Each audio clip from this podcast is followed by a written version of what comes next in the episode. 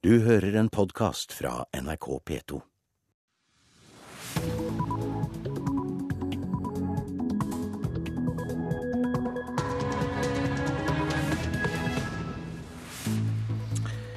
Øystein Heggen ønsker deg velkommen til Nyhetsmorgen 12. juni. Nå klokka 6.30 er dette overskriftene. Få nordmenn gir penger til tiggere, men det lønner seg likevel for dem å komme hit. Maybe one day 50 kroner, maybe one day 100, maybe one day nothing. Folk er svært fornøyde med kirken, viser undersøkelse. Men prestene sliter seg ut. De som er tilsatt i kirka, opplever at tida ikke strekker til i forhold til de oppgavene de har. De springer som piska rotter, og de gjør virkelig en kjempeinnsats. Kjetil Aano der, prost i Tungnes prosti i Rogaland. Mer enn ti millioner barn jobber som hushjelper rundt om i verden. Nye trusler fra Sudan om å stenge oljeledningene fra nabolandet Sør-Sudan.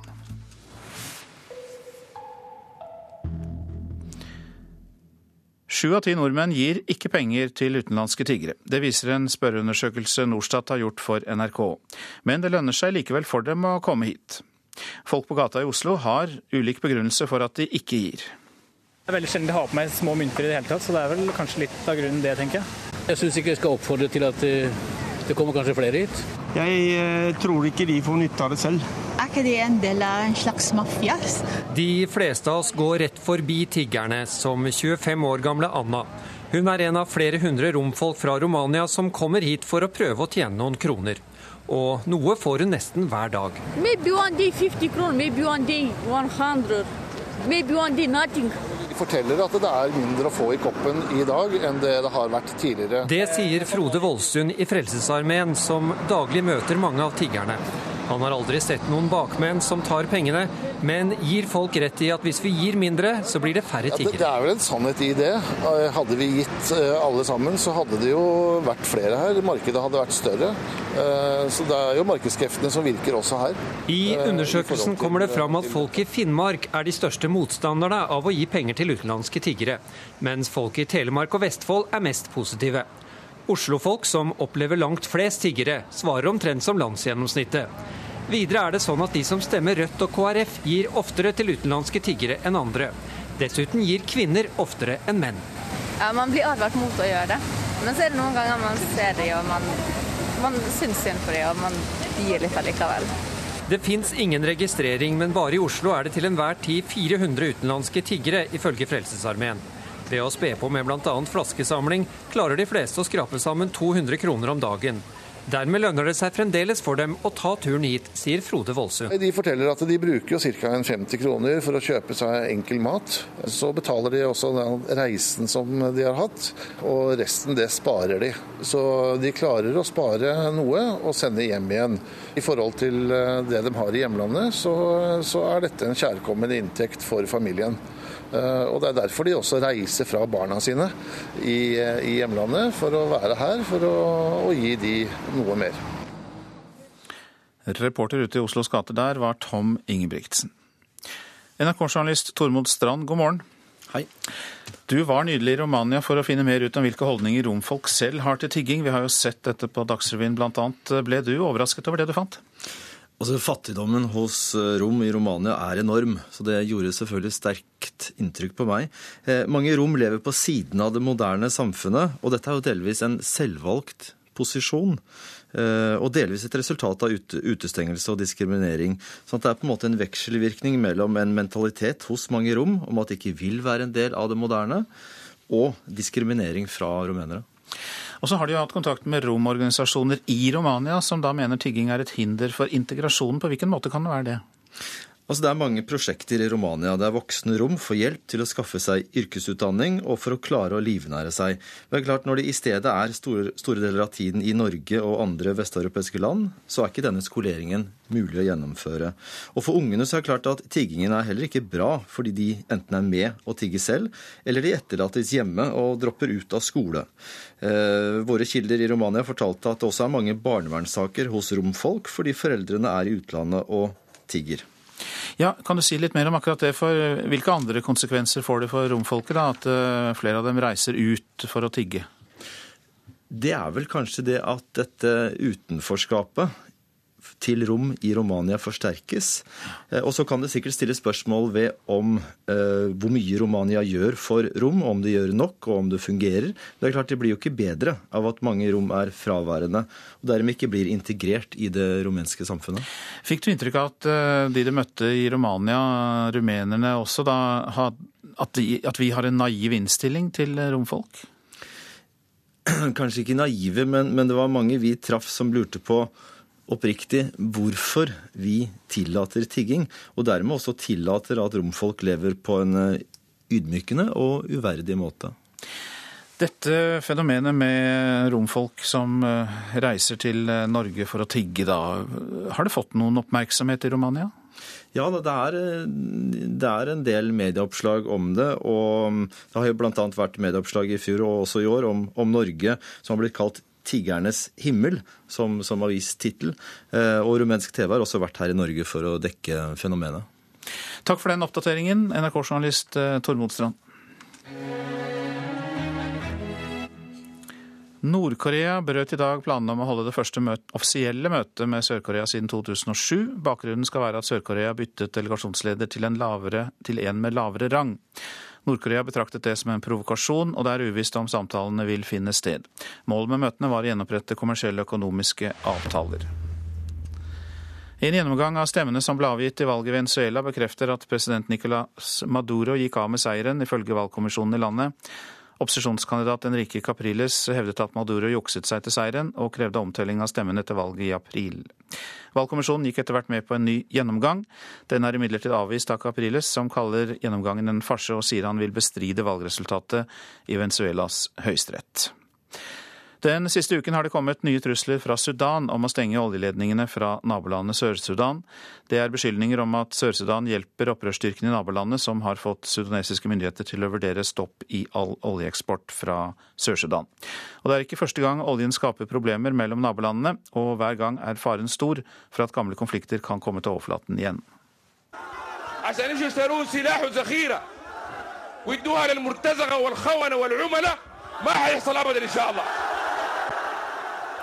Det var stor stemning da president i Sudan, Omar al-Bashir, kunngjorde at han ville stenge oljeledningene som kommer fra Sør-Sudan. Trykslene om oljestopp kom som følger av skuldinger om at Sør-Sudan hjelper opprørsstyrker inne i nabolandet. Sør-Sudan nekter for at de har noe med opprørerne å gjøre, og hadde heller ikke hørt noe om en oljestopp fra naboene i nord. Også i dag har olja blitt transportert ut, og styresmakten i Sør-Sudan har ikke mottatt noe beskjed fra styresmakten i Sudan når det gjelder det å stenge oljeledningene. Sabanaba Marial Benjamin, som er informasjonsminister i Sør-Sudan. Dersom Sudan går til skrittet å stenge oljeledningene, vil det være katastrofalt for Sør-Sudan.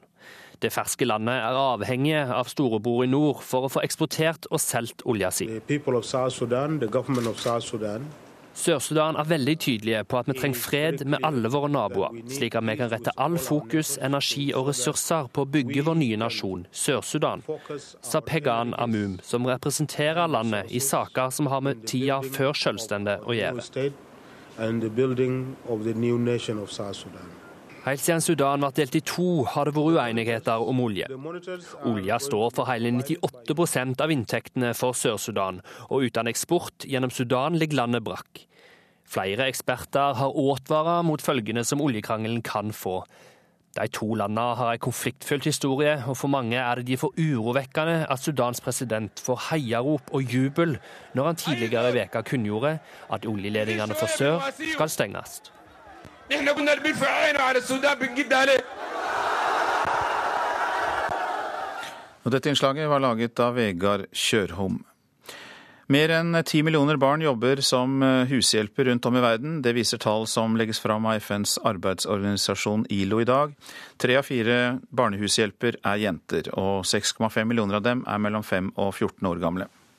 Arbeid som hushjelper er ofte slavelignende jobber som i tillegg gjør at barna er utsatt for fysiske, psykiske og seksuelle overgrep.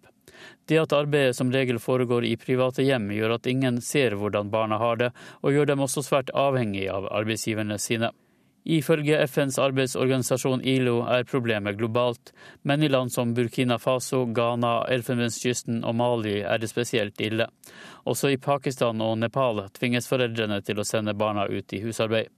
Et annet eksempel er at tusenvis av etiopiske småjenter sendes til Midtøsten hvert år for å jobbe som tjenere. Målet til ILO er at det lages et sterkt lovverk som identifiserer, forhindrer og eliminerer barnehushjelper. Problemet er at mange land i dag ikke ser på husarbeid som ulovlig for barn. Sa reporter Ernst Larsen. Så til det avisene skriver i dag. Bremsene er på i norsk økonomi, det er Aftenpostens oppslag. Lavere lønnsvekst, høyere ledighet og tregere boligsalg er stikkord. Tror boligprisene faller i Trondheim, det skriver Adresseavisen. DNB Eiendom i byen tror det blir prisnedgang mot slutten av året, og at den vil fortsette inn i 2014. Søskenpar satset arven på DNB-fond, men nå er pengene borte, skriver Dagens Næringsliv. De krever banken for 26 millioner kroner etter tap i verdipapirfond. 19 år gamle Hamed Yosefi sier han var redd og ensom på asylmottak. Dagsavisen forteller om hvordan barn opplever den usikre tilværelsen på norske mottak. Stoppet selvskading med ny behandling, er oppslaget i Bergens Tidende. Adelheid Greves armer er fulle av arr etter tolv år med selvskading, men ved hjelp av en ny behandlingsmetode klarte hun å slutte. Tap på salg av elektriske biler for Felleskjøpet kan vi lese i Nasjonen. Den bondelagseide innkjøpsorganisasjonen har tapt 7,4 millioner etter at de overtok elbilsalget til FK Maskin. Per Olaf Lundteigen refser næringsminister Trond Giske i Klassekampen. Senterpartiveteranen mener det er helt feil av staten å selge seg ut av oppdrettsgiganten Cermaq. Makten i bransjen samles dermed på få aktører, og jeg er veldig, veldig lei av å høre på skrivebordsteorier, sier Lundteigen. Det er lov å bade i penger, bare man ikke mister sjelen. Ja, det sier Nina Wotosjek til Vårt Land. Den polsk-norske professoren og forfatteren advarer likevel mot egoistisk nytelse og at mange unge tenker mer på karriere enn på uegennyttig innsats. Det største ulovlige bordellet i Singapore kalles Sørlandssenteret, skriver Fedrelandsvennen. Avisen har vært der og kan fortelle at det besøkes av norske turister, langpendlere og sørlendinger i offshorebransjen. Uavgjort mot Italia er bra, nå går vi for gull. Det skriver både VG og Dagbladet om ungdomslandslaget i fotball. U21-gutta går videre til semifinale i fotball-EM.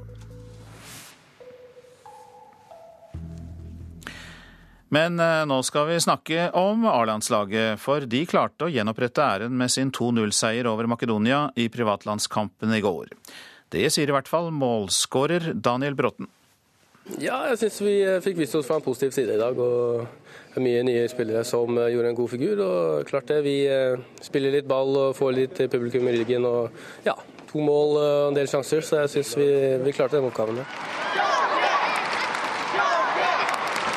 Selv om Norges prestasjoner varierte mye i gårsdagens privatkamp mot Makedonia, så var det positive takter og langt bedre spill enn hva A-landslaget har vist i kampene så langt i år. Det her er viktig å ta med seg. Slår Makedonia 2-0. Sverige slo de bare 1-0 for, en, for en uke siden på, på, hjemmebane. Så det er så absolutt godkjent det når du tenker på så mange endringer som vi gjorde i laget sier NRKs fotballekspert Karl Petter Løken, som til tross for at det var dårlige norsk spill i perioder, er enig med Bråten i at de fleste vil huske resultatet og de gode periodene av kampen.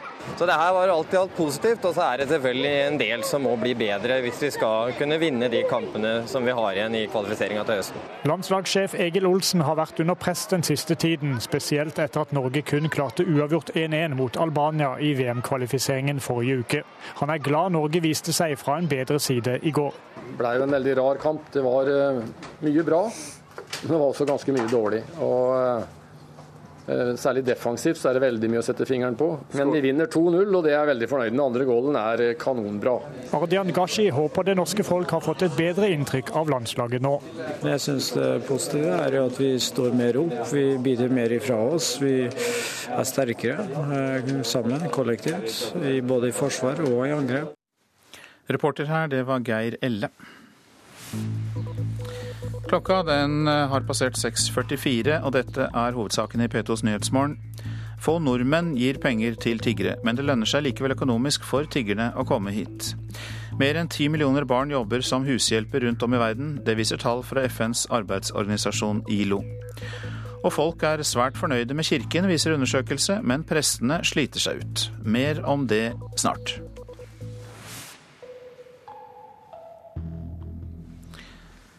Mer miljøgift i laksefôret skader ikke omdømmet til norsk laks. Det mener Sjømatrådet. En regelendring er ute på høring fra Mattilsynet. Den skal tillate oppdretterne å bruke importert laksefôr med et høyere innhold av den helse- og miljøfarlige plantegiften endosulfan. Det bekymrer ikke informasjonsrådgiver i Sjømatrådet Geir Bekkevold. Giften er allerede tillatt i landbruket, sier han. Dette er en sak som handler om harmonisering og, og likhet mellom landbruk og havbruk. Og det er det som det nå blir en avklaring på. Kommunikasjonsrådgiver Geir Bakkevold i Norsk sjømatråd er ikke bekymra etter nyheten om at det tillatte nivået av plantegiften endosulfan i laksefôr kan bli tidobla. Laksen sitt gode rykte vil ikke ta skade, for denne giften brukes allerede i stor grad i landbruket, sier Bakkevold. I dag er det et misforhold i reglene, der det er tillatt å bruke 20 ganger mer i landbruket enn i havbruk. Sjømatrådet mener det vil skape harmoni dersom man kan bruke like mye gift i fiskefôr som i dyrefôr. Omdømmeekspert ved Handelshøyskolen BI, Erik Næss, tror derimot at mer giftbruk kan skade den internasjonale etterspørselen etter oppdrettslaks. Ja, jeg tror at de gjør seg sjøl en, en bjørnetjeneste ved å gjøre dette. Norske eh, produsenter av oppdrettslaks ville være mye bedre tjent med at de eh, hadde en spesiell styrke på dette området. Geir Bakkevold i Sjømatrådet sier laksen vil fortsette å være Norges stolthet, med eller uten miljøgift. Danmark har sin Lego, og Sverige har sin Ikea, og Norge har sin laks. Og det er en høy preferanse for norsk laks i viktige laksemarked over hele verden. Reporter Ina Eliassen. Sosialistisk Venstreparti vil innføre en ekstra skatt for banker og andre i finansbransjen dersom de kommer i regjering igjen til høsten. Skatten skal gi 9 milliarder kroner ekstra i statskassen. Partileder Audun Lysbakken mener denne skatten er fornuftig fordi finansbransjen ikke betaler moms. Det skriver Dagbladet. Folk er svært fornøyde med kirken. Det viser en ny stor innbyggerundersøkelse som regjeringen legger fram i dag. Men flere prester og ansatte i kirken har et stort arbeidspress og sliter seg ut på jobb. Stadig færre av oss går på gudstjeneste når kirkeklokkene ringer på søndagene. Men trass dette, folk er svært fornøyde med kirka. I dag legger regjeringa fram den store innbyggerundersøkinga TNS Gallup har gjort på oppdrag fra Fornyings-, administrasjons- og kirkedepartementet. Over 1200 personer har svart på sitt forhold til Den norske kirka. Her har de fått spørsmål om tilgjengelighet, tilpasning til brukeren, de kirkelige tilbudene og tilliten til kirka. Gjennomsnittet av tallmaterialet viser at folk er svært fornøyd med kirka si. Det gleder prost i Tungenes prosti i Rogaland, Kjetil Aano. For det første er jeg veldig glad for det, og for det andre så gjenspeiler det den opplevelsen vi som arbeid i kirka har. Vi blir møtt med stor tillit. Og så tenker jeg det speiler det at vi faktisk er ganske gode på å møte mennesker. Men kirka sitt arbeid, som det nå viser seg at folk er svært fornøyde med, har sin pris. Mange prester og kirkelige ansatte opplever et svært stort arbeidspress, forteller Åno. De som er ansatt i kirka opplever at tida ikke strekker til i forhold til de oppgavene de har. Dette må vi gripe fatt i. Jeg merker det veldig godt som, som nærmest overordna til en del av prestene. De springer som piska rotter, og de gjør virkelig en kjempeinnsats. Han forklarer noe av arbeidspresset med Stavanger er det bispedømmet i landet med flest medlemmer per prest. Mens det i snitt er 3000 medlemmer per prest på landsbasis, er tallet 3800 medlemmer per prest i Stavanger bispedømme. Det som jeg tror er det kritiske, er at vi tærer på, på, på kreftene til en del prester, slik at vi, de, litt, de, blir for utslitt før vi fanger det opp og sier nå har du behov for å, å bearbeide dine sterke opplevelser, ta i studieveka, altså den typen ting. Dag Tormod Milje er leder i Presteforeninga i Stavanger bispedømme.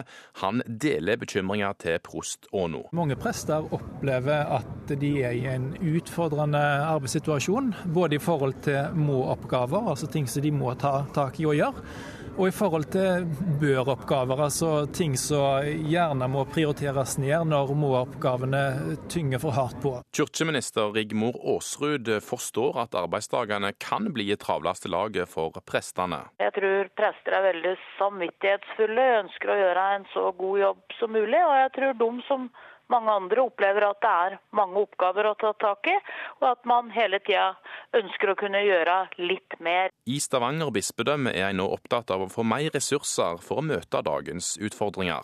Vi må ha flere prester, eh, og så tror jeg vi må arbeide kontinuerlig med som er i arbeidsgiverlinja her, til å, til å være flinkere med å definere hva som er viktigst og sentralt for presten å gjøre, og skrelle vekk de oppgavene som andre kan ta seg av. Og vi legger til at kirkeminister Rigmor Aasrud sier det har blitt mellom 50 og 100 flere prestestillinger i Norge de siste ti årene. Det er ikke aktuelt med flere før det blir nye budsjettforhandlinger.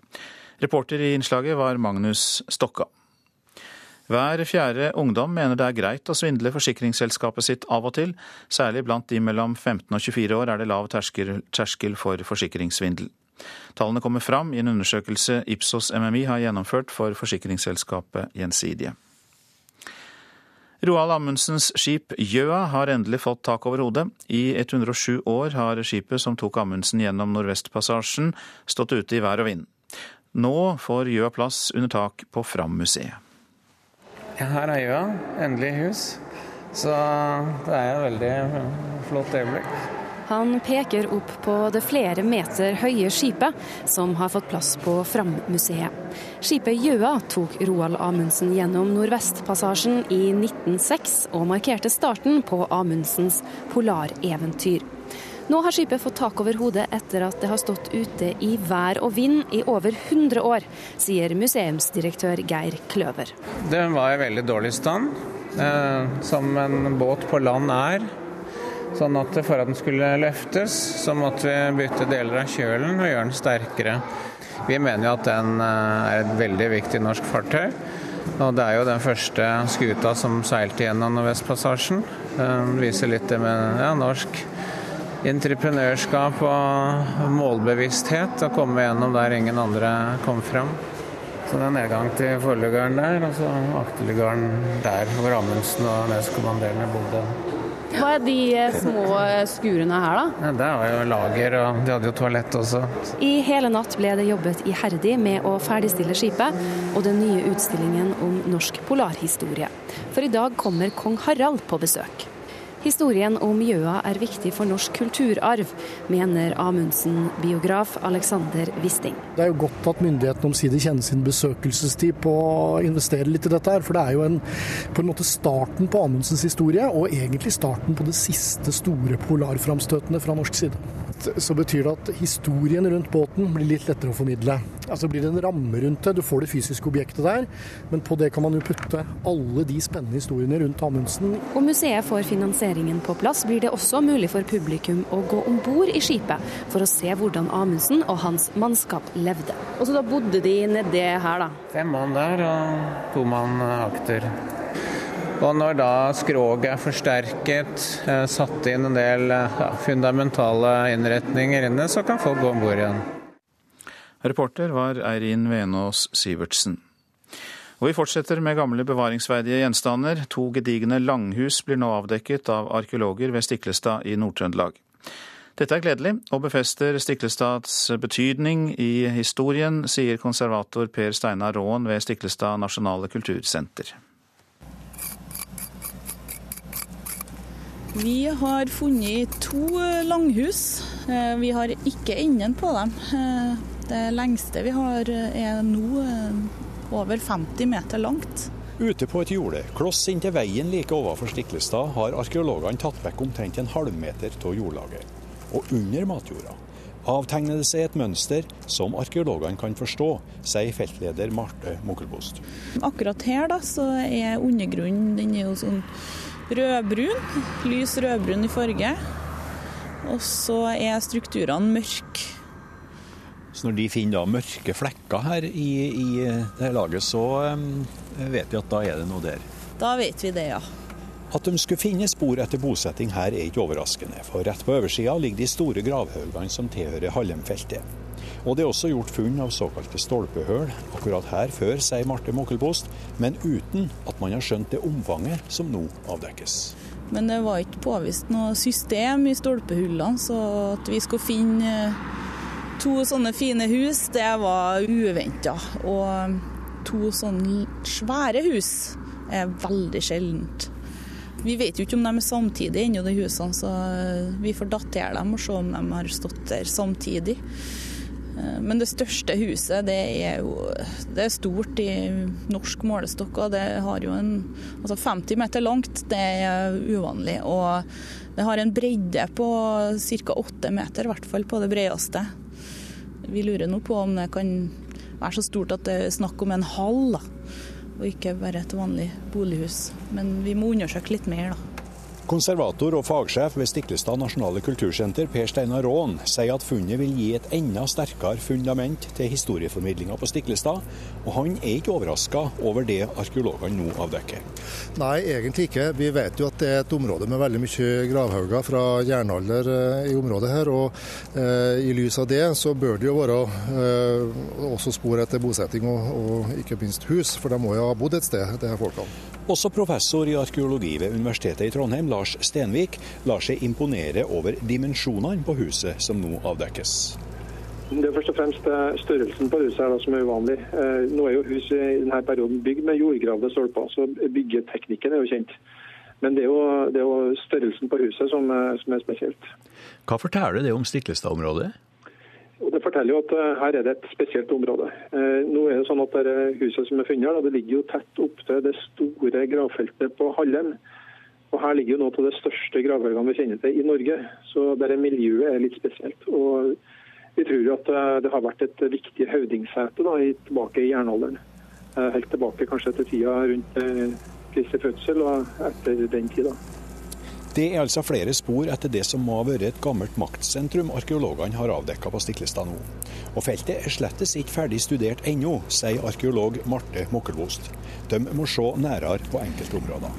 Vi har med oss en metalldetektor òg, som vi har tenkt å bruke på enkelte områder her, da. Eh, midt i huset her så det, ser det ut som det kan være bevart eh, del av et gulv. Og da håper vi at vi kanskje kan finne noe sånn metallrester der, da. Folk har mista noe eller noe sånt. Gullmynter og store rikdommer? Nei, kanskje heller en jernkniv eller noe sånt. ja, det var arkeolog Marte Mukkelbost som fortalte hva hun var på jakt etter, og reporter Bjørn Solli. Verdens eldste mann døde tirsdag, 116 år gammel. Japanske Jiro Emon Kimura ble født i 1897 og døde av naturlige årsaker på et sykehus i Kyoto. Kimura holdt tittelen som verdens eldste siden desember i fjor. Så til værvarselet fram til midnatt. Fjell i Sør-Norge får det meste pent vær. Fra eh, etter hvert så kan det bli regn i sør, enkelte regnbyger i nord. Østland og Telemark opphold og perioder med sol. Lokale tåkeskyer i sør tidlig på dagen. Fra i ettermiddag kan hende enkelte regnbyger nord for Mjøsa. Mot kvelden litt regn sør for Mjøsa. Agder får opphold og perioder med sol. Lokal tåke eller tåkeskyer tidlig på dagen. Fra i ettermiddag regn i Agder. Rogaland og Hordaland. Oppholdsvær, lave tåkeskyer lokalt. Fra i ettermiddag liten kuling i sør, regn og yr først eh, i sørlige deler. Sogn og Fjordane kan få lave tåkeskyer i ytre strøk, men ellers stort sett pent vær. I kveld litt regn i Sogn og Fjordane. Møre og Romsdal og Trøndelag etter hvert liten kuling i nord, stort sett pent vær. Fra i ettermiddag kan hende regnbyger i indre strøk av Møre og Romsdal, til kvelden også regnbyger sør i Trøndelag. Nordland spredte regnbyger i Vesterålen først på dagen, ellers for det meste pent vær. Fra i ettermiddag liten kuling i sør.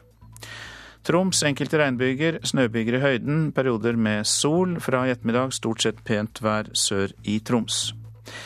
Finnmark spredte regnbyger på kysten, ellers delvis skyet oppholdsvær. Og Nordensjøland på Spitsbergen til slutt, for det meste opphold og litt sol. Så tar vi for oss temperaturene. De ble målt klokka fem i natt. Svalbard lufthavn pluss to. Kirkenes og Vardø fire. Alta tre. Tromsø-Langnes fem. Bodø åtte. Brønnøysund sju grader, Trondheim-Værnes fem og Molde sju. Bergen-Flesland og Stavanger begge 10 grader. Kristiansand-Kjevik og Gardermoen begge 11. Lillehammer, der var det 9 grader klokka fem. Røros hadde 0 grader, og Oslo-Blindern 12. Du lytter altså til P2s Nyhetsmorgen. Vi fortsetter etter klokka sju og forteller om mye farlig sprengstoff som er dumpet rundt omkring i landet.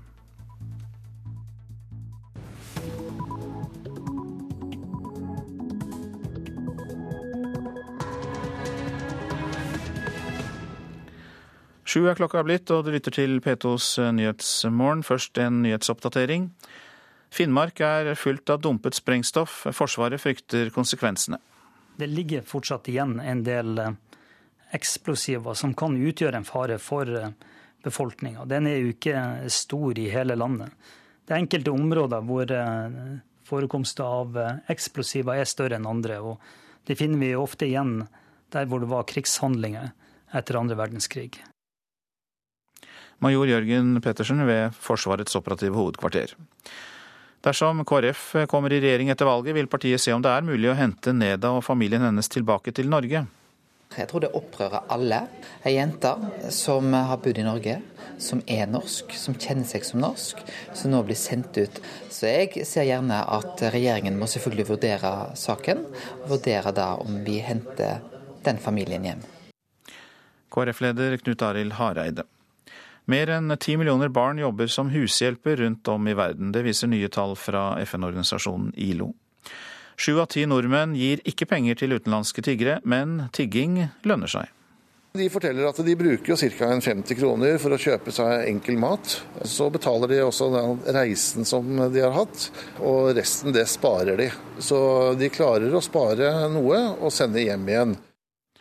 Frode Voldsund i Frelsesarmeen. I USA er 11 millioner ulovlige innvandrere et skritt nærmere et amerikansk statsborgerskap. Det ligger mer dumpet sprengstoff i Finnmark enn noe annet sted i Norge. Eksplosivene etter andre verdenskrig kan være farlige, og ligger igjen også flere andre steder i landet. Men i Finnmark er det altså spesielt alvorlig, og dersom det bryter ut en skogbrann, kan det få store konsekvenser i enkelte områder av fylket. Det mener Forsvaret. Minedykkere fra Forsvaret graver forsiktig frem udetonerte granater på havbunnen. Igjen blir dykkerne overrasket over hvor mye som faktisk ligger der. Norge er fullt av farlige eksplosiver som ble dumpa etter krigen, i vann og på land. Og aller mest er det i Finnmark, det sier major Jørgen Pettersen ved Forsvarets operative hovedkvarter. Ja, Det er jo et eh, samfunnsproblem i og med at eh, det ligger fortsatt igjen en del eh, eksplosiver som kan utgjøre en fare for befolkninga. Finnmark er spesielt mye pga. de store mengdene med ammunisjon som ble spredt over landområdene da tyskerne trakk seg tilbake, sier Pettersen. Han er redd for hva en skogbrann kan føre til. Skogbrann vil oppnå en såpass høy temperatur at granater som ligger rett under torva, der vi som oftest finner dem, vil få en sånn høy temperatur at de vil eksplodere. Sånn at Det er den store trusselen i forbindelse med at det ligger eksplosiver igjen i naturen. Jeg liker jo det ikke, det er jo helt klart. Og det tror jeg også deler med befolkningen som bor der oppe. Gunnar Lillebo er rådmann i Porsanger kommune, et område hvor det er funnet mye eksplosiver. Det er en del av hverdagen for lokalbefolkningen der at det er enkelte områder hvor barn ikke skal leke. At det, her, her leker vi ikke. Dette her området her unngår vi. Eh, og det vet vi om. Det finnes ingen oversikt over hvor mye som ligger igjen i Finnmark. Men 68 år etter krigen dukker det stadig opp utrygge gjenstander som er en risiko for sivilbefolkningen. Jørgen Pettersen viser til et eksempel av et granatfunn på en bålplass i et populært turområde i Øst-Finnmark, som kunne blitt katastrofalt. Hadde, de, hadde det bålet vært eh, en halvmeter unna, så hadde det ligget rett oppå granaten, og da ville den ha mest sannsynlig eksplodert. Med fatale følger, antageligvis. Jørgen Pettersen i Forsvaret har vært spesielt overrasket over størrelsen på funnene de har gjort i Finnmark de siste årene. Da vi starta å, å rydde eksplosiver i Øst-Finnmark, så ble jeg meget overraska over omfanget. det er helt klart på sin plass å, å sette et mye større fokus på å få rydda opp eh, disse granatene. Reportere her Mari Tigraf og Ellen Borge Christoffersen. Rune Kristian Dale Andresen, velkommen til deg. Takk. Du er nestleder for mine- og våpenavdelingen i Norsk eh, Folkehjelp. Og eh, ja, rådmannen i Porsanger sa at dette likte han ikke. Kan du forstå den bekymringen? Absolutt. Objektene er jo farlige, det er det ikke tvil om. Og omfanget i Finnmark er relativt stort. Men man må også sette dette i perspektiv og se at dette er et restproblem. Og man kan ikke aktivt gå inn og rydde dette. Det er sånn det er i alle land etter en krig. Når den aktive ryddefasen er over og man har fått unna det som er kjent, så må man ha en sånn ja, beredskap da, på å kunne rydde ting som dukker opp. Kan folk likevel ta noen forholdsregler? Ja, det, det sies jo her i reportasjen også, at man bør kunne noen områder bør kanskje unngå å fyre bål, f.eks. Eh, men det som eh, man kanskje burde sett på, er jo at man eh, nasjonalt sett burde hatt noen restriksjoner på noen områder. Det aller meste stammer jo fra andre verdenskrig, og hva slags sprengstoff er det vi snakker om? Stort sett så er dette rein TNT, eksplosiver som ligger innkapsla i, i metall. Og de kan ligge lenge. Men Problemet er jo ikke hva slags ammunisjon. Problemet er egentlig at det er et problem for, for folk som bor i området. og Folk er bekymra for barna sine osv. Så, videre. så det er klart, det aller viktigste her er at hvis man oppdager noe, så må man bare ikke røre og, og gå ut av området.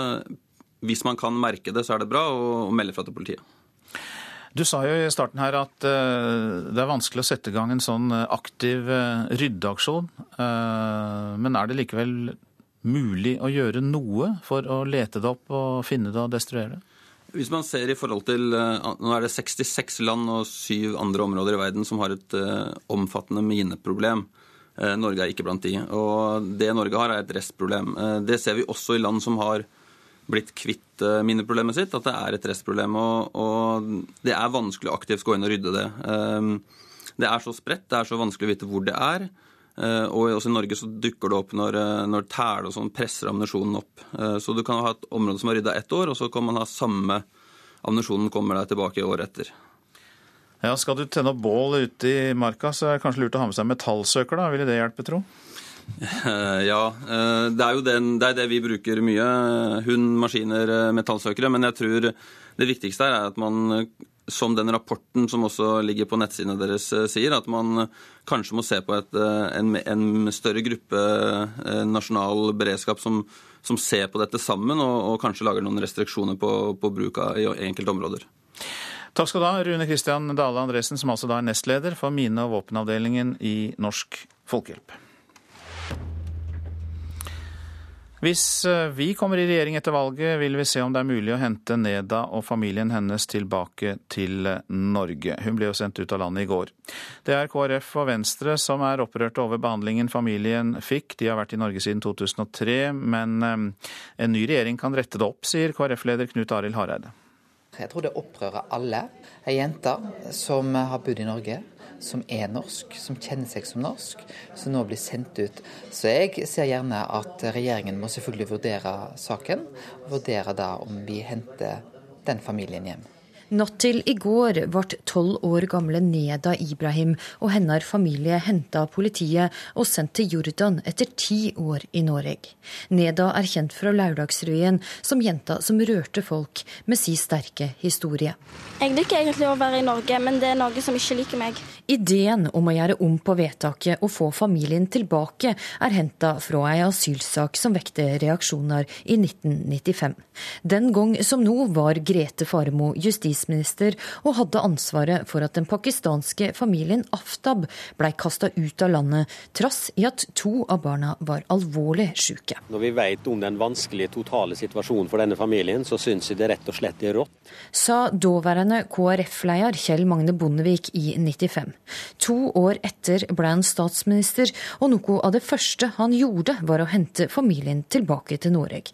Familiefar Farid Aftab var takksam. This is big work from a big prime minister of a big nation. Dette kan vi gjøre på nytt, sier Venstre-leder Trine Skei Grande. Ja, jeg husker at vi var veldig stolte i Bondevik II-regjeringa når det første vi gjorde var å hente en familie som var kasta ut av Arbeiderparti-regjeringa. Eh, det vil jeg gjerne være med på igjen, til å gjøre igjen. Du frykter ikke at du nå gir Neda og hennes familie falske forhåpninger?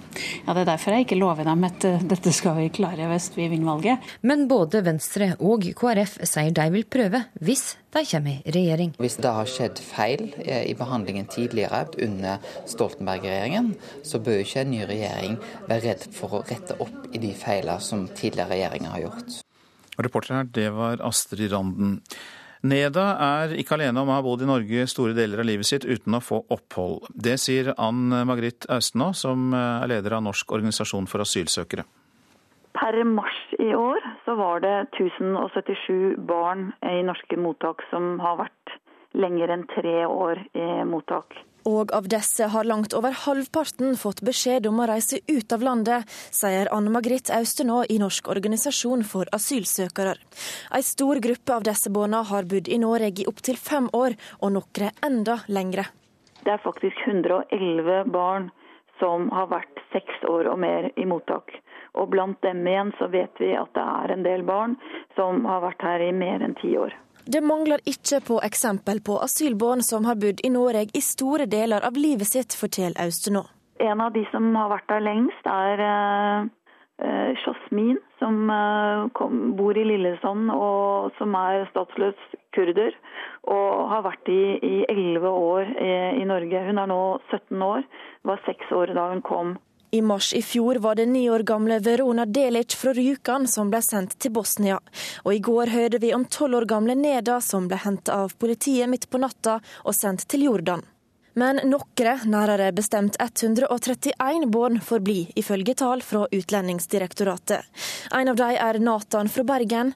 En annen er en niåring som bodde her i sju av sine ni leveår. En gutt som har fått opphold, er Madi på Rjukan som var her i over åtte år, før han nå i vår fikk opphold. Anne Margrethe Austenå i Norsk organisasjon for asylsøkere til reporter Susanne Eggseth. Sju av ti nordmenn gir ikke penger til utenlandske tiggere. Det viser en spørreundersøkelse Norstat har gjort for NRK, men det lønner seg likevel for dem å komme hit, viser undersøkelsen. NRK-journalist Tormod Strand var nylig i Romania for å finne ut hva romfolk selv mener om tigging. Han forteller at romorganisasjoner der mener tigging fører til at mange ikke blir integrert i Romania. Det er mange prosjekter i Romania der voksne rom får hjelp til å skaffe seg yrkesutdanning og for å klare å livnære seg. Men klart Når det i stedet er store, store deler av tiden i Norge og andre vesteuropeiske land, så er ikke denne skoleringen mulig å gjennomføre.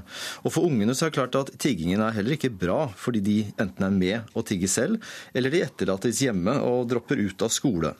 Eh, våre kilder i Romania fortalte at det også er mange barnevernssaker hos romfolk fordi foreldrene er i utlandet og tigger. Dette er Nyhetsmorgen, og klokka den går mot 7.13. Vi har disse hovedsakene. Finnmark er fullt av dumpet sprengstoff fra andre verdenskrig. Forsvaret frykter for konsekvensene dersom det skulle bryte ut skogbrann. Dersom KrF kommer i regjering etter valget, vil partiet se om det er mulig å hente Neda og familien hennes tilbake til Norge. Og få nordmenn gir altså penger til tiggere, men det lønner seg likevel for dem å komme hit. Statsministeren i Tyrkia Recep Tayyip Erdogan skal møte noen av lederne for demonstrantene i dag. I natt har myndighetene satt inn store anleggsmaskiner for å rydde Taksim-plassen i Istanbul, som har vært selve episenteret for demonstrasjonene der. I går kveld var det harde gatekamper på Taksim-plassen.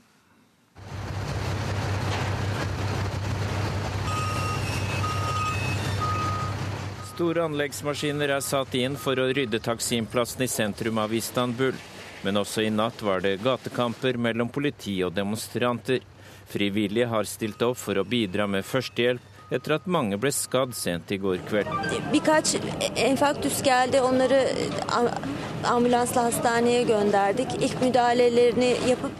Flere har kommet til teltet her med ulike skader. Noen med hodeskader, andre med beinbrudd. Vi har sendt dem videre med ambulanse, sier Øslem Turhan. Det oppsto harde samstøt da Taksimplassen ble ryddet. På plassen var det alt fra maskerte ungdommer til barnefamilier og folk i jobbantrekk som møtte opp for å vise sin misnøye med regjeringen i går kveld. En annen frivillig sier at gatekampene i går kveld var intense. Yoğun bir çatışma söz konusu Taksim ve çevresinde. Dagen i går var helt utenom det vanlige. Vi forsøker å bidra med førstehjelp så godt vi kan, legger mannen til. Demonstrasjonene mot statsminister Recep Tayyip Erdogan har pågått i tolv dager. At politiet gikk til aksjon overrasket mange av demonstrantene, siden statsministeren har sagt seg villig til å møte noen av lederne for protestene i dag. Det sa reporter Dag Bredvei. Og god morgen til deg, Dilek Ayan. God morgen. Du eh, har vært her for noen dager siden også, har jo da tyrkisk familiebakgrunn, er gründer og næringslivsleder her i Norge. Og jeg er spent på å høre med deg om du er overrasket over at protestene fortsetter? Personlig så er jeg ikke overrasket over at de protestene fortsetter. Hadde Erdogan og regjeringen der nede vært opptatt av å ikke bare rydde Taksim, men rydde folks uro som de har i hjertene sine, og så hadde det kanskje roet seg litt ned. Men hva er det med statsminister Erdogan som provoserer demonstrantene? Han fremstår sta. Så Jeg snakket sist i går med en del venner. De sier at han står liksom på sitt. Og de er også veldig opptatt av å, å få frem at, først og fremst, at det er først og fremst vanlige folk som er ute i gatene, og at de selv også tar avstand fra de som skaper uro og hærverk. Og Fortsatt så det, skaper politiets håndtering av demonstrantene mye harme. De, blir, de skaper mye sinne. Så jeg, jeg håper da at de samtalene nå som skal være mellom Erdogan og demonstrantene, leder, leder et sted, så at, får, så at, man får dempet den uroen som er. Mm. Men så er det jo sånn at Erdogan og AK-partiet har hatt stor suksess gjennom mer enn ti år i regjering. Altså økonomisk vekst snakker vi om, stabilitet snakker vi om. Hvorfor blir de likevel møtt med protester, da? Det er flere grunner til hvorfor protestene er så sterke. Først og fremst så er det jo litt den stilen Erdogan har, som vi har sett også gjennom det siste, både siste uken. At han er sta og gjør, som, gjør det han vil, uten at han virkelig involverer i tilstrekkelig grad befolkningen. Så, så selv om det har vært økonomisk vekst i, Europa, i Tyrkia, så ser tyrkerne at den, alle de godene ikke nødvendigvis fordeler seg jevnt i befolkningen. Og så har samfunnet gått i en retning av å bli noe mer konservativt, som også skremmer en god del tyrkere, som er veldig opptatt av sin frihet. Uh, og uh, han har også innført en del sånne symbolske uh, lovendringer som skaper harme i forhold til at man som skal synlig se at samfunnet blir litt mer konservativt. Hvilke eksempler har du på det? nå gjorde han endringer i lovverket, at det ikke skal være salg av alkohol i butikk etter klokka ti. Når du kommer fra Norge, så syns jo du at det ikke er det mest voldsomme. Og han har tatt p-piller over på resept. Og det, har vært kampanjer i, i, offentlig transport der at man ikke skal kunne kysse og være veldig nær hverandre. Og det gir liksom en sånn indikasjon da, for tyrkere flest at tendensen er at det går i retning av at samfunnet skal bli mer konservativt. Og det man må huske at Gjennomsnittsalderen i Tyrkia er 28,9 år. Det er veldig mange unge mennesker som ikke ønsker at liksom, regjeringen eller staten da, skal styre deres vanlige hverdag. Så dette som var en protest mot utbygging i en park i Istanbul, er jo også da blitt mer en konflikt mellom det sekulære og mer religiøse Tyrkia? Ja. På mange måter så er det det, og derfor så ser du at de som protesterer mot han, sier at han må innse at han er en statsminister for alle. Og han møter da med å si det samme, at han ikke er statsminister for kun 50% men slik det oppleves, så er det en realitet for mange. Og I dag skal han altså ha samtaler med representanter for disse demonstrantene. Hjertelig takk for at du kom hit nok en gang, Dilek Ayhan. Nå til USA. Der er 11 millioner ulovlige innvandrere ett skritt nærmere et amerikansk statsborgerskap. Et overveldende flertall i Senatet, altså 82 mot 15 stemmer, De vedtok i går å legge fram en ny immigrasjonsreform til debatt. President Barack Obama har sammen med åtte demokratiske og republikanske senatorer utformet reformen, og den vil da gi illegale innvandrere lovlig opphold. Det var et etterlengtet politisk stikk for president Obama i går kveld å se at et overveldende flertall i Senatet ønsker å fremme en historisk immigrasjonsreform. Ulovlig innvandring var et hett tema i den amerikanske valgkampen. President Obama lovet å rydde opp, og høstet over 70% av latinosstemmene. Noen timer før avstemningen i Senatet i går oppfordret Obama de folkevalgte til å få fikset en immigrasjonslov som har brutt sammen. If you're actually serious and sincere about fixing a broken system, this is the vehicle to do it. And now's the time to get it done. Det handler om 11 millioner ulovlige innvandrere som nå vil kunne få et gyldig amerikansk statsborgerskap dersom immigrasjonsreformen vedtas. We come here for a better life and we work hard for it. Um, I think we all deserve it. And um, it, I think it's, it's time that we are heard and a better future and a better opportunity is given to all of us. De mest konservative blant republikanerne er sterkt imot å gi dem statsborgerskap, fordi de mener det vil være å premiere folk som har tatt seg illegalt inn i USA. Den republikanske senatoren Ted Cruz fra Texas mener den nye reformen vil gjøre det verre i USA. Law, it would not solve the problem. Indeed, it would make the problem of illegal immigration that we have today worse. Toneangivende republikanske senatorer som John McCain og Marco Rubio støtter president Obamas nye reform.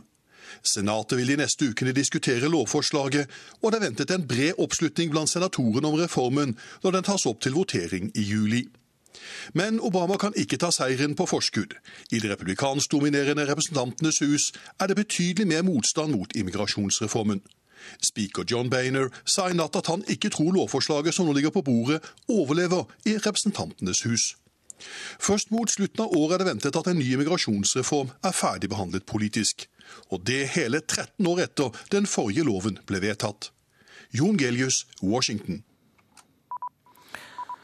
Nord-Korea brøt i dag med planene om å holde det første offisielle møtet med Sør-Korea siden 2007. Bakgrunnen skal være at Sør-Korea byttet delegasjonsleder til en med lavere rang.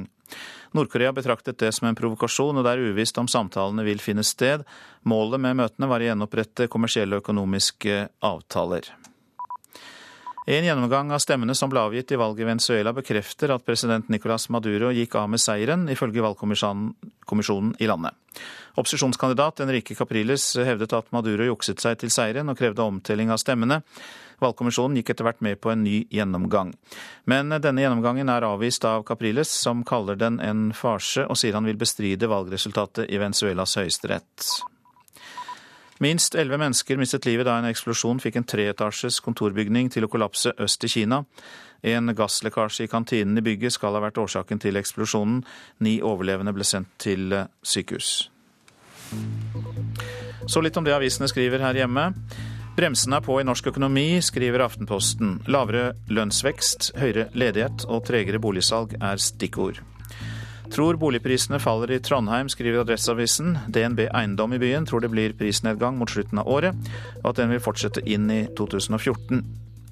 Søskenpar satset arven på DNB-fond, men nå er pengene borte, skriver Dagens Næringsliv. De krever banken for 26 millioner kroner etter tap i verdipapirfond. 19 år gamle Ahmed Yosefi sier han var redd og ensom på asylmottak. Dagsavisen forteller om hvordan barn opplever den usikre tilværelsen på norske mottak. Stoppet selvskading med ny behandling, er oppslag i Bergens Tidende. Adelheid Greves armer er fulle av arr etter tolv år med selvskading, men ved hjelp av en ny behandlingsmetode klarte hun å slutte. Tap på salg av elektriske biler for Felleskjøpet kan vi lese om i Nasjonen. Den bondelagseide innkjøpsorganisasjonen har tapt 7,4 millioner etter at de overtok elbilsalget til FK Maskin. Per Olaf Lundteigen refser næringsminister Trond Giske i Klassekampen. Senterpartiveteranen mener det er helt feil av staten å selge seg ut av oppdrettsgiganten Cermaq. Makten i bransjen samles dermed på få aktører, og jeg er veldig veldig lei av å høre på skrivebordsteorier. Ja, det sier Lundteigen til avisa. Det er lov å bade i penger, bare man ikke mister sjelen. Det sier Nina Witoszek til Vårt Land. Den polsk-norske professoren og forfatteren advarer likevel mot egoistisk nytelse. og at mange unge tenker mer på karriere enn på uegennyttig innsats. Det største ulovlige bordellet i Singapore kalles Sørlandssenteret, skriver Fedrelandsvennen på sin forside. Avisen har vært der og kan fortelle at det besøkes av norske turister, langpendlere og sørlendinger i offshorebransjen. Uavgjort mot Italia er bra, nå går vi for gull. Det skriver både VG og Dagbladet om ungdomslandslaget i fotball. U21-gutta går videre til semifinale i fotball-EM.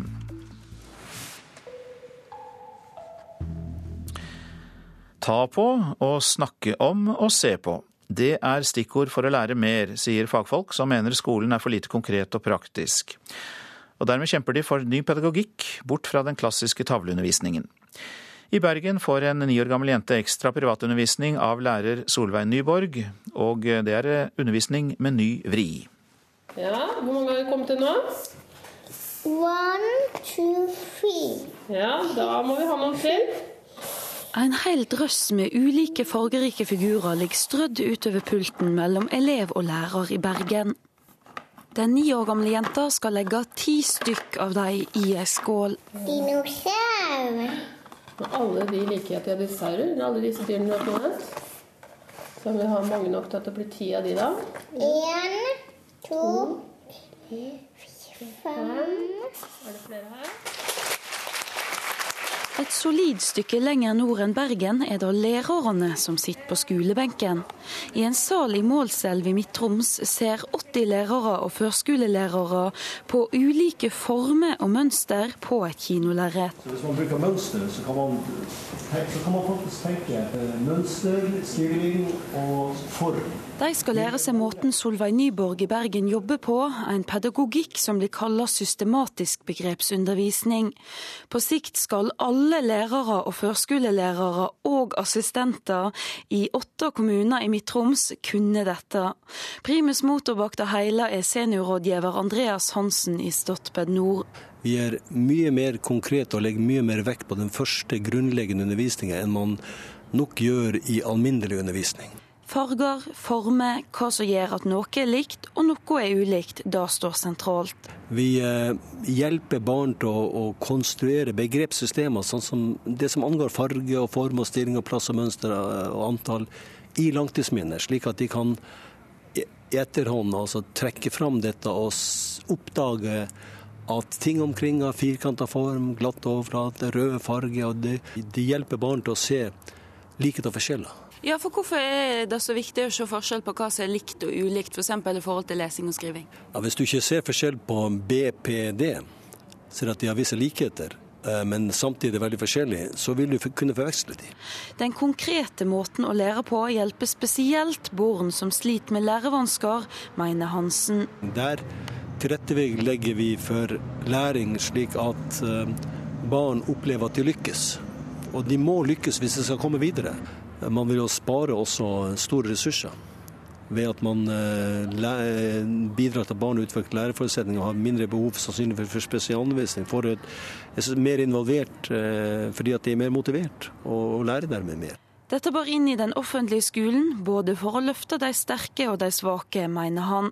Tilbake i Bergen er da òg Solveig Nyborg sitt mål. Altså, hvis ikke man hadde tro på at dette hadde forebyggende effekt, så er det noe vits i å jobbe for, for eh, noen, å få dette inn i skolen. Men, men, det er jo nettopp det det har vist, da, at det har en forebyggende effekt. Og ikke bare forebygge lærevansker, men det hjelper også elever som lærer noe mat, til å lære enda bedre og utnytte potensialet sitt enda bedre. Den private timen på et kontor i Bergen går mot slutten, og niåringen har fått skikkelig dreisen på akkurat hvor mange ting som lyter opp i skåla for at det til sammen skal bli ti. One, two, three, four, five, six, seven, eight, nine, ten. Og denne reportasjen var laget av Stine Hommedal. Du lytter til P2s eh, Nyhetsmorgen. I reportasjen etter Dagsnytt eh, skal vi høre mer om den siste avlyttingsskandalen i USA. I Politisk kvarter skal vi høre at 96% av oss er fornøyde med å bo i Norge. Men noe er det likevel mange er misfornøyde med. Og eh, det er bl.a. Nav og NSB. Produsent for Nyhetsmorgen Kari Bekken Larsen, her i studio Øystein Heggen. Minner om at du kan laste ned Nyhetsmorgen eller eh, lytte til den igjen og igjen hvis du vil på eh, radio nrk.no. Det er altså nettstedet for å lytte på radio. Radio nrk.no.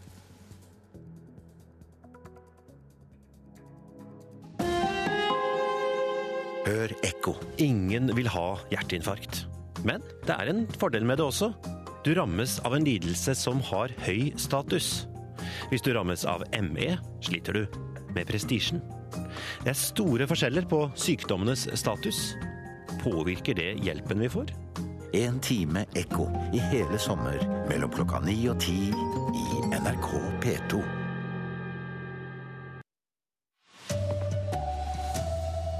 Finnmark er fullt av sprengstoff fra andre verdenskrig. Største faren er skogbrann, sier Forsvaret.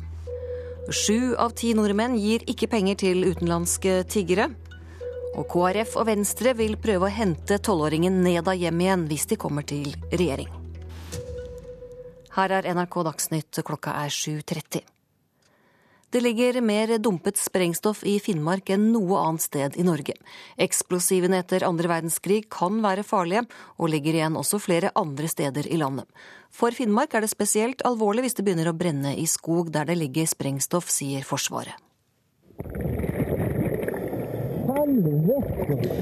Overraska lyder fra Forsvarets minedykkere mens de løfter vekk vrakrester fra et granatfunn på havbunnen. Det er mye, og det er farlig. Norge er fullt av farlig sprengstoff som ble dumpet etter krigen, i vann og på land.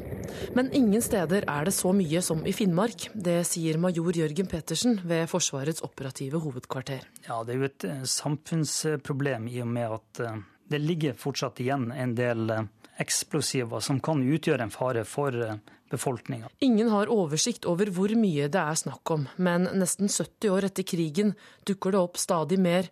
Jørgen Pettersen viser til et eksempel av et granatfunn på en bålplass i et populært turområde i Øst-Finnmark, som kunne blitt katastrofalt. Hadde det bålet vært en halvmeter unna, så hadde det ligget rett oppå granaten, og da ville den ha mest sannsynlig eksplodert, med fatale følger antageligvis. Gunnar Lillebo er rådmann i Porsanger kommune, et område hvor det er funnet mye sprengstoff. Lokalbefolkningen må fortsatt passe på hvor de beveger seg. At det, her, her leker vi ikke. Dette her området her unngår vi.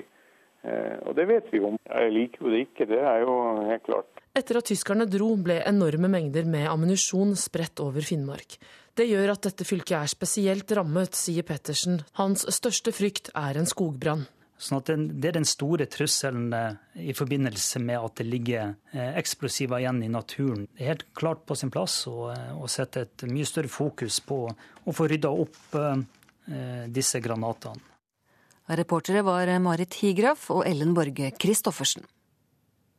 Sju av ti nordmenn gir ikke penger til utenlandske tiggere. Det viser en måling Norstat har gjort for NRK. Men det lønner seg likevel for tiggerne å komme hit. Folk på gata i Oslo har ulike grunner for at de ikke vil gi penger. Jeg syns ikke jeg skal oppfordre til at det kommer kanskje flere hit. Jeg tror ikke de får nytte av det selv. Er ikke det en del av en slags mafia? De fleste av oss går rett forbi tiggerne, som 25 år gamle Anna. Hun er en av flere hundre romfolk fra Romania som kommer hit for å prøve å tjene noen kroner. Og noe får hun nesten hver dag. Maybe one day 50 kroner, maybe one day 100, maybe one day nothing. Forteller at det er mindre å få i koppen i dag enn det det har vært tidligere. Det sier Frode Voldsund i Frelsesarmeen, som daglig møter mange av tiggerne. Han har aldri sett noen bakmenn som tar pengene, men gir folk rett i at hvis vi gir mindre, så blir det færre tiggere. Ja, det, det, er vel en sannhet i det. Hadde vi gitt alle sammen, så hadde det jo vært flere her. Markedet hadde vært større. I undersøkelsen kommer det fram at de som stemmer Rødt og KrF, gir oftere til utenlandske tiggere enn andre. Dessuten gir kvinner oftere enn menn. Ja, Man blir advart mot å gjøre det, men så er det noen ganger man ser det og man, man syns synd på det og man bier litt allikevel. Det fins ingen registrering, men bare i Oslo er det til enhver tid 400 utenlandske tiggere, ifølge Frelsesarmeen. Ved å spe på med bl.a. flaskesamling klarer de fleste å skrape sammen 200 kroner om dagen. Dermed lønner det seg fremdeles for dem å ta turen hit, sier Frode Voldsund. De forteller at de bruker ca. 50 kroner for å kjøpe seg enkel mat. Så betaler de også den reisen som de har hatt, og resten det sparer de. Reporter Tom Ingebrigtsen. Venstre og Kristelig Folkeparti vil prøve å hente Neda Ibrahim og familien tilbake til Norge dersom partiene kommer i regjering. De er opprørt over at familien ble sendt ut av landet natt til i går etter ti år i Norge. En ny regjering kan rette opp i dette, sier KrF-leder Knut Arild Hareide. Jeg tror det opprører alle. Ei jente som har bodd i Norge, som er norsk, som kjenner seg som norsk, som nå blir sendt ut. Så jeg ser gjerne at regjeringen må selvfølgelig vurdere saken, vurdere da om vi henter den familien hjem. Natt til i går ble tolv år gamle Neda Ibrahim og hennes familie henta av politiet og sendt til Jordan etter ti år i Norge. Neda er kjent fra Lørdagsrevyen som jenta som rørte folk med sin sterke historie.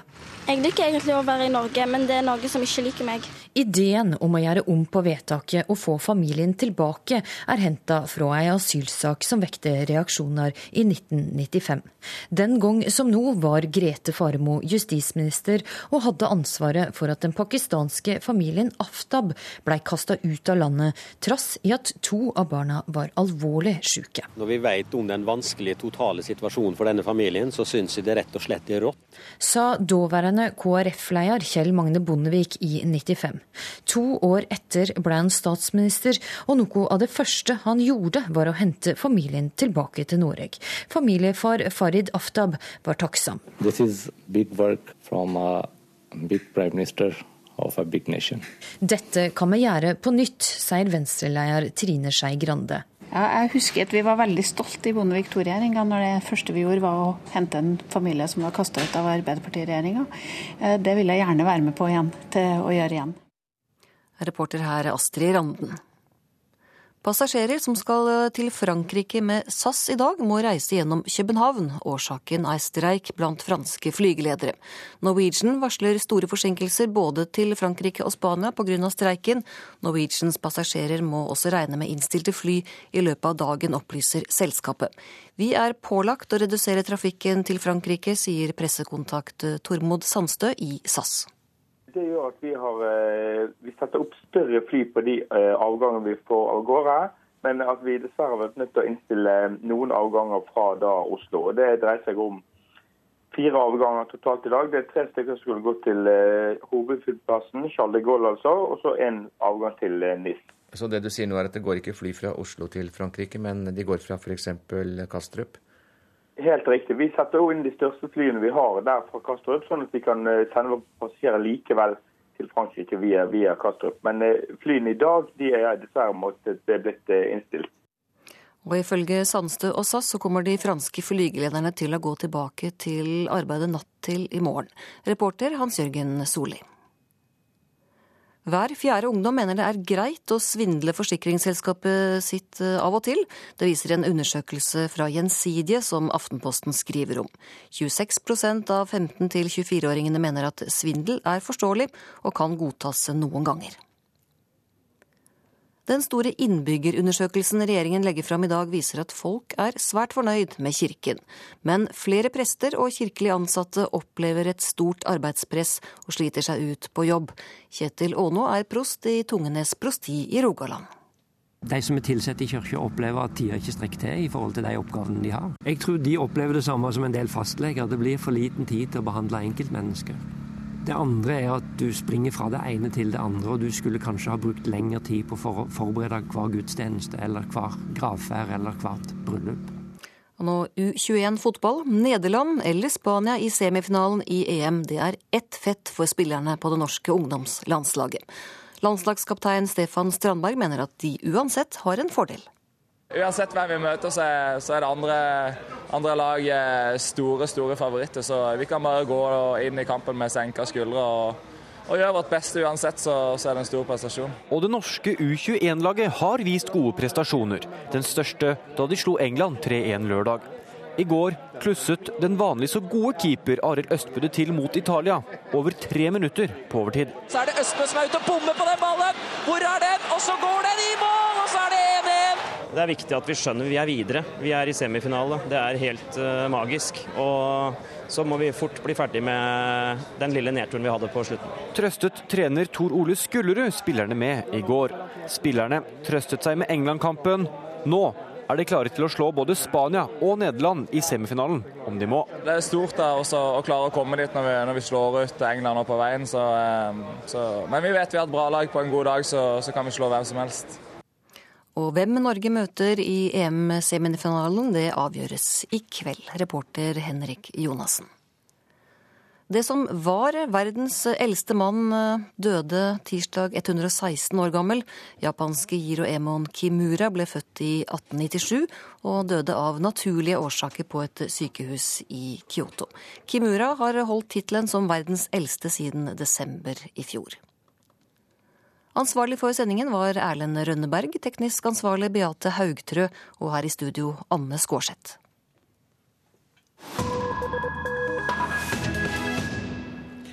Ja, dette er P2s eh, Nyhetsmorgen. Nå om den siste avlyttingsskandalen i USA. Landet som eh, neste måned fyller 237 år, og som aldri har vært invadert.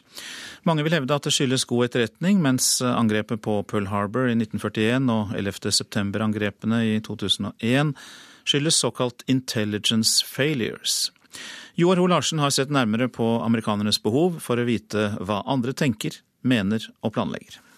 There's been a break-in at Democratic headquarters. They were bugging the place. Woodward, Bernstein, you're both on the story now. Get up. I juni for 41 år siden ble de to unge reporterne i Washington Post, Bob Woodward og Carl Bernstein, satt på en jobb som skulle vise seg å bli svært spesiell. Det hadde vært et innbrudd i Det demokratiske partiets kontor i Watergate-bygningen.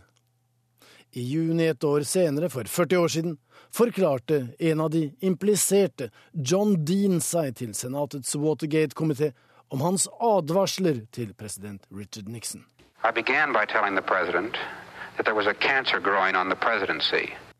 Den kreftbyllen John Dean snakket om, fikk etter hvert historiske dimensjoner. Den 8. august 1974 gikk Richard Nixon av. Som den første og hittil eneste presidenten i amerikansk historie trakk han seg fra verdens mektigste embete da han følte at han ikke lenger hadde Kongressens tillit. Therefore, I shall resign the presidency effective at noon tomorrow. Amerikanerne er kanskje mer opptatt av å kartlegge andres meninger enn regjeringer flest, men landet er større og mektigere og har derfor mer å forsvare. Siden fallhøyden for verdens eneste supermakt er større, blir innsatsen deretter. Denne uken er det blitt kjent at den 29 år gamle dataspionen Edward Snowden mener den politiske ledelsen har gått for langt. When you are subverting the power of government, that, that's a fundamentally dangerous thing to democracy. President Obamas pressetalsmann Jim Carney innrømmer at det kan være en fin balanse mellom privatlivets interesser og nasjonal sikkerhet. We need to strike the appropriate balance between our national security interests and our interests in privacy. Men han hevder samtidig at president Obama mener at han ikke har tippet over, samtidig som Carney legger til at dette er en viktig debatt. Uh, that, he, that the balance is appropriately struck, has been appropriately struck, but it is an absolutely appropriate topic for debate. Helt siden Paul Revere red gjennom natten den 18. april i 1775 og varslet de amerikanske koloniopprørerne om den britiske imperiehærens taktiske disposisjoner, har USA verdsatt etterretning. USAs nasjonale etterretningsapparat består i dag av totalt sett 16 hovedinstanser som bedriver oppsøkende og innhentende etterretningsinformasjon. Det er militære etterretningsgrupperinger i alle våpengrener.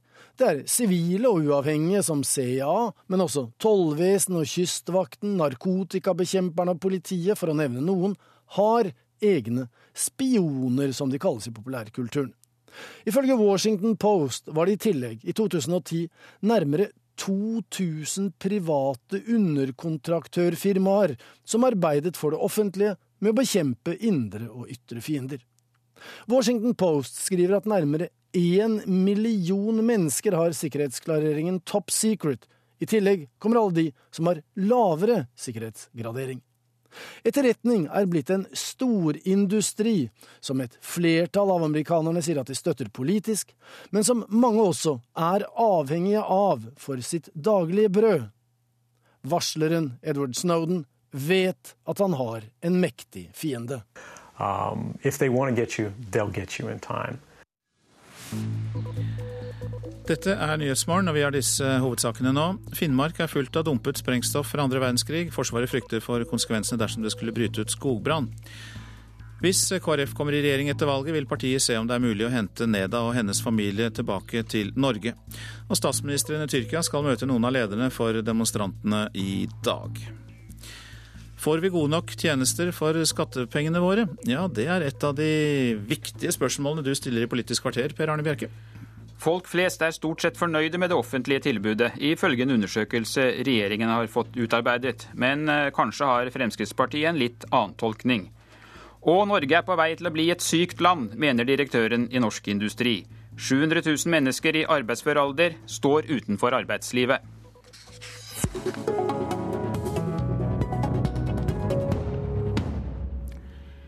Ifølge den nye innbyggerundersøkelsen som regjeringen legger frem i formiddag, er 96% av oss fornøyde med å bo i Norge. Undersøkelsen bygger på svar fra mer enn 11 000 personer. De fleste er også tilfredse med det offentlige tjenestetilbudet, men med noen veldig klare unntak. Bare rundt halvparten er fornøyde med Nav. NSB og sykehusene ligger også et stykke ned på skalaen. Så det er eh, kanskje likevel ikke grunn til de helt store ovasjonene. Fornyings- og administrasjonsminister Rigmor Aasrud? Jeg syns vi skal glede oss over de tallene som vi har fått i dag. Det er veldig mange gode tall. Og det som er mest gledelig, er at det er framgang innenfor de aller fleste områdene, og det er veldig bra. Eh, vi har framgang på sånne parametere som f.eks. at folk syns de får god kvalitet ut fra eh, det de bruker og betaler i skatt, og det er et godt tegn. Men så er det også områder der vi har klare forbedringspunkter. og denne Undersøkelsen gir oss jo mulighet til å gå inn i de enkelttjenestene og se hva folk ikke er fornøyd med innenfor de enkelte tjenestene, der vi har forbedringsmuligheter. Robert Eriksson, du leder Stortingets arbeids- og sosialkomité og representerer Fremskrittspartiet. Når vi leser denne undersøkelsen, så kan det jo virke som om eh, folk flest tross alt er ganske fornøyde med de offentlige tjenestene. Er dere i utakt med folket når dere kritiserer velferdstilbudet? Jeg kritiserer ikke velferdstilbudet. Det jeg sier, og jeg syns det er bra at folk flest er fornøyd i stort sett med, med, tilbudet de får i kommunene, det offentlige tilbudet de får. Eh, og Det skal vi hegne om, og det skal vi utvikle og videreutvikle. Men så tror jeg også vi skal lese denne undersøkelsen med riktige øyne. Fordi at de brukergruppene som virkelig trenger de store velferdstjenestene, de som lider av kroniske sykdommer, funksjonshemming, osv. De møter store problemer i Nav-systemet fortsatt. Eh, det viser også Riksrevisjonen sine undersøkelser. Det viser også eh, Pasientombudet sine undersøkelser i forhold til, helsevesenet. Så vi har fortsatt mye forbedringspotensial på de områdene som virkelig betyr mye for folk flest. Ja, Åsrud, Folk er jo da misfornøyd med ventetiden f.eks. når det gjelder helse- og omsorgstilbud. og Da er det kanskje ikke så veldig stor trøst i at folk er veldig fornøyd med folkebibliotekene? Nei, men nå skal vi ta med oss det at eh, Hvis du ser på de store sammenhengene her, sånn, så er de som bruker offentlige tjenester, mer fornøyd med tjenestene eller de som ikke bruker dem. Det er jo et interessant trekk. Og I det store og hele så er jo folk også fornøyd med de tjenestene de får innenfor helsefeltet, men det er noen områder, bl.a. ventetider og det å få mer digitale løsninger, som vi har eh, et forbedringspunkt på. og Det er vi nødt til å jobbe videre med. Og så er det jo sånn at Når det gjelder ventetider, ventetider, så er det vi, Heldigvis så er det stadig flere sykdommer som kan behandles. Og da blir det jo også ventetider for å kunne få behandling. Mange, mange flere får jo behandling nå, men det er altså stadig nye muligheter innenfor helsevesenet som gjør at uh, det blir noe køer. Poenget her er jo hvor lang tid du må vente. Det er det viktig å ha fokus på. Eriksson? Ja, det som vi også ser ikke, I går så var jeg på en eh, frokostmøte med FFO. Eh, og Der kommer det klart fram i forhold til de undersøkelser som er gjort her og Rettighetssenteret, at brudd på lovfaste rettigheter for folk med sammensatte lidelser, kronisk syke og funksjonshemma, er fortsatt like stor i dag som det var for ti år siden. Eh, fortsatt så viser den undersøkelsen, og det er jo litt interessant at vi har moderniseringsministeren i, i studio her, at det brukes altfor lang saksbehandlingstid. Fortsatt har vi skjema som folk ikke skjønner. Og da synes jeg det er kanskje også på tide at eh, moderniseringsministeren har kanskje noen moderniseringstanker på hvordan man vil forenkle det dette, sånn at tilbudet kan bli enda bedre for de som trenger våre velferdstjenester aller, aller mest. Ja, og det har vi. Eh, vi jobber mye med å digitalisere, gi folk muligheten kunne til å forholde seg til det offentlige gjennom digitale uh, muligheter. Og så er jeg veldig enig med Robert Eriksen at vi må jobbe mye med språket. Folk skjønner ikke alle skjemaene som de får fra det offentlige, og det er noe vi er nødt til å jobbe mye mer med i tida framover. Vi har et stort prosjekt i mitt departement som vi har med oss mange andre departementer på, som heter Klart språk. Og det er det mye å hente på. Eh, og vi jobber nå bl.a. med å gå gjennom en del lover for at vi skal få enda bedre språk, sånn at folk skjønner det vi sier. Jo, men Det blir litt for mye sånn se på, vurdere og gjøre. Ikke sant? Når dere har holdt på i 80 år, folk flest opplever ikke at det skjer noe på det området. Det jo. må skje noe. Handling må til. For, folk opplever at det skjer noe på området. De er mer fornøyd med tjenestene. De er mer fornøyd med de digitale tjenestene også. La, eh, Robert Eriksson, nå var statsråden for litt siden inne på at undersøkelsen viser at de som bruker offentlige tjenester jevnt over, er mer tilfredse med tjenestene enn innbyggere som ikke har erfaring med tjenestene. Det gjelder også sykehusene og Nav. Hva forteller dette oss? Nei, så er det jo spørsmål hvilke type brukere som man eh, tar kontakt med, eh, og som har svart på det. Eh, det kommer ikke godt nok fram i den undersøkelsen. som jeg klarer Men, men altså, klart at folk som får pengene sine som går på dagpenger, som du bare trykker på knappen, og så kommer pengene automatisk, klart de er fornøyd med det. Men de som trenger gode løsninger, som har sammensatte utfordringer, de viser også andre undersøkelser ganske klart og tydelig at man fortsatt er like store utfordringer på det området, og at misfornøyden der er fortsatt like stor som den har vært tidligere. Men kan det ha noe å gjøre med at både vi i mediene og dere i opposisjonen har en tendens til å fortelle om alt som er veldig gærent, og så hører vi ikke alltid om det som går like bra, når det da danner seg et inntrykk at det er så håpløst?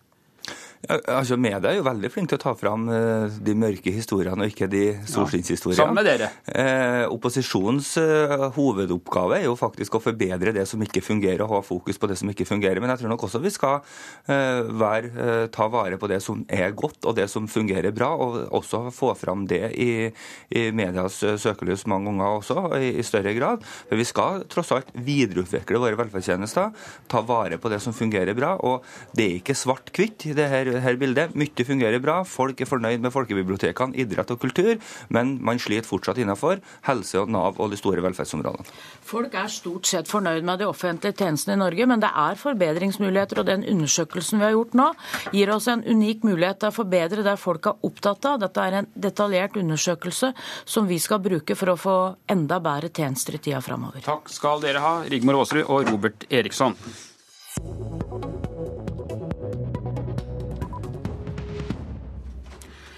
Norge er i ferd med å bli sykt. Det sier du, direktør Stein Lier Hansen i Norsk Industri, i et intervju med Nettavisen. Hva er det du mener?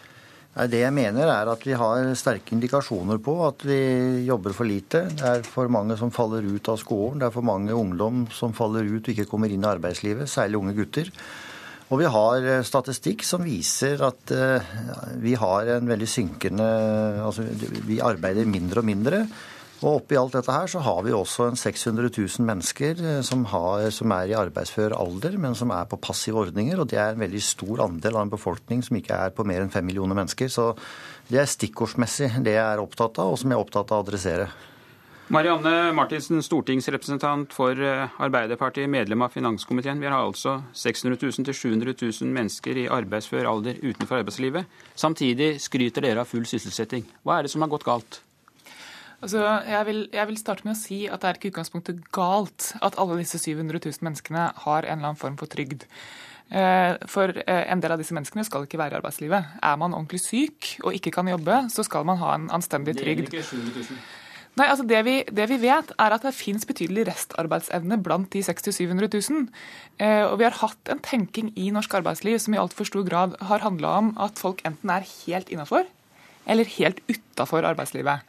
Uh, og jeg tror at vi, at vi, trenger å tenke annerledes rundt det. Altså Det finnes antagelig ganske mange mennesker blant de 600 000 som er i stand til å bidra noe. Som ikke kan gå på jobb og yte 100 hver eneste dag gjennom hele livet, men som kan bidra i perioder, eller som kan bidra uh, på deltid. Eh, og Et av de veldig viktige grepene som vi gjør nå, er jo uførereformen. Som skal gjøre det mye enklere å kombinere det å være delvis på trygd og det å jobbe. For vi trenger, vi trenger rett og slett mer, mer sømløse overganger mellom, mellom, det å eh, være på, på diverse ordninger og det å, og det å være i jobb. Eh, og så har vi pensjonsreformen. Som også gjør det enklere å kombinere det å være pensjonist med det å jobbe ved siden av. Og det er veldig viktig. Vi ser nå, eh, etter at pensjonsreformen har begynt å, eh, å virke, at eldre jobber som aldri før. Sysselsettingsandelen blant de eldre øker. Eh, og Da vi innførte folketrygden i 67, så, så eh, var man i snitt pensjonist i nesten ti år kortere enn det man er nå. Så dette, dette er viktig. altså. Ja. Men nå er det jo ikke bare antall uh, utenfor arbeidslivet som bekymrer deg, Stein Lier Hansen. Både NHO og Nordea nedjusterer nå prognosene for norsk økonomi. Fastlandsindustrien bygges ned, og ledigheten stiger. Står det egentlig dårligere til enn det vi går rundt og innbiller oss? Ja, jeg mener det. Eh, og det er klart at den enorme eh, verdiene vi har fått gjennom olje- og gassvirksomheten, har skapt et inntrykk av at vi liksom kan opprettholde velferdsordninger samtidig som vi skal jobbe mindre og mindre. Altså Det som er hele poenget her, at det er ikke bare dette med de 600 000 000, men hvis du ser på gjennomsnittlig arbeidstid, så har den falt fra 1800 timer i årsverket fra 1970 til 1430 timer i dag. Ser du på OECD-undersøkelser, så er nordmenn og norske kvinner de som jobber minst regna i ukesverk. Så det er altså en slags trend hvor en yter mindre og mindre og forlanger mer og mer. Og dette er ikke noe jeg sier sånn uh, aleine. Dette er nøyaktig det samme som er adressert i regjeringas perspektivmelding. Det er nøyaktig det samme en uttrykker bekymring for der. For hele poenget er at den største nasjonalformuen vår, det er arbeidsinnsatsen til norske kvinner og menn. Og klarer ikke vi å få opp produktiviteten, klarer ikke vi å få opp arbeidsinnsatsen totalt sett, så vil vi ha betydelig underskudd i statsregnskapet vårt i 2050-2060. Og derfor så er jo alle enige om at eh, det mest effektive vi kan gjøre, opp med produktiviteten og få flere i arbeid, og vi må jobbe lengre. Det er ikke noe grunn til at nordmenn skal jobbe vesentlig mindre enn f.eks. svensker og finner. Marianne, Marianne Martinsen, står vi nå i virkeligheten overfor valget om å jobbe mer eller å kutte i velferden? Altså, Perspektivmeldinga drar opp noen muligheter for oss. og Et av de viktige svarene i åra framover blir at vi er nødt til å jobbe mer. og Som jeg var inne på innledningsvis, så har vi nå lagt opp til eh, to store reformer som eh, bl.a. skal stimulere til det. Eh, og så vil det jo alltid være en fare for, når man har tilgang på en så stor formue som det vi har, at vi jobber for lite, at vi blir for lite effektive, at vi ikke har nok fokus på å, på å være effektive. Men, men altså, det er jo ikke sånn at, at, vi lener oss tilbake og tenker at her kan vi leve godt på olja i mange år, og så får neste generasjon klare seg som best de kan. Det ville ha vært en dødssynd om vi gjorde det. Men vi tar, altså, vi tar, ansvar for oljepengebruken. Det er det aller viktigste. Vi forsvarer handlingsregelen. Jeg må si jeg er alvorlig bekymra for hva som kommer til å skje dersom de borgerlige som har et uavklart forhold til oljepengebruken, kommer til makta. Det burde virkelig bekymre Har denne negative utviklingen skjedd mens dere har sittet med makta i åtte år? Jo, men handlingsregelen sier at vi kan ta, vi kan ta ut omtrent 4 eh, Det er det vi forventer av avkastning. Vi ligger ikke der, vi ligger nærmere 3% og det er ikke fordi at vi ikke er i stand til å komme på hyggelige, artige ting å bruke flere milliarder på men vi gjør ikke det fordi at vi tar ansvar for norsk økonomi. Vi la nettopp fram en vekstpakke. Eh, som eh, strammer noe til på olje, som strammer noe til på, på, investeringer i eiendom, men som gir skattelette til landbasert industri. For å stimulere den delen av industrien som vi ser har problemer. Vi har Holden 3-utvalget, Eh, fordi at vi er bekymra for kostnadsutviklinga som disse bedriftene til Steinlier Hansen står overfor. Eh, eh, og det å, det å sørge for at frontfagmodellen som ja. gjør at det er disse bedriftene ja. som er lønnsledende i framtida også, det er Men la, la oss si på dette litt med dette med kostnader. For i andre land så går altså lønningene ned, i hvert fall i flere land. I Norge krangler vi om vi skal ha en vekst i reallønna på 3 eller 3,5% Hvor lenge kan vi holde på med dette, Steinlier Hansen? Nei, Det kan vi ikke holde på lenge. Altså, hvis ikke vi raskest mulig kommer oss ned til en lønnsvekst som er mer sammenlignbar med andre OECD OECD-land, så vil altså kostnadsbasen i Norge, altså kostnadsulempen ved å produsere i Norge, bli for stor. Og spesielt ille blir det når vi heller ikke klarer å opprettholde produktivitetsutviklinga. Ser du på velferdsutviklinga i Norge de siste 30-40 åra, så er det jo det at vi har klart å ha en høy produktivitetsutvikling som har gitt oss tre ganger mer velferd siden 1970. Og nå er vi i en situasjon hvor vi ikke lenger er produktive. Vi er ikke så produktive lenger. Det betyr at vi klarer ikke å kompensere høye lønninger med at vi jobber mer effektivt. Det er også en problemstilling. Men jeg har lyst til å si at Eh, ikke sant, De som sitter i finanskomiteen, de forstår dette her. Men vi kommuniserer ikke godt nok ut til folk. altså Blant folk flest så er en oppfatning at vi både kan forlange mer og yte mindre. Og Det er den debatten vi må ta. Jeg sier, at, jeg sier ikke at ikke sentrale politikere forstår det, men hvor mye har perspektivmeldinga blitt diskutert i det offentlige rom? Hvor, hvor, hvor, sterke ord er vi villige til å bruke for å, for å få folk til å våkne? Er problemet egentlig at oljepengene skaper forventninger som det egentlig ikke er mulig å oppfylle, eller som gjør det umulig for dere politikere å ta upopulære avgjørelser, Marianne Martinsen? Jeg mener at eh, vi har vært gode på å ta upopulære avgjørelser. At vi har gjennomført reformer. At vi har eh, begrensa oljepengebruken til tross for at vi har tilgang på mye penger eh, gjennom, gjennom fondet. Og så vil jeg bare si at vi, vi, har også hatt problemer med produktivitetsvekst, men den styrka seg betraktelig fra 2012 til 2011, og det er et positivt utviklingstrekk som, som jeg mener eh, lover godt for Der må jeg si takk til deg, Marianne Martinsen og Stein Lier Hansen. Det var Politisk kvarter. Jeg heter Per Arne Bjerke. Du har hørt en podkast fra NRK P2.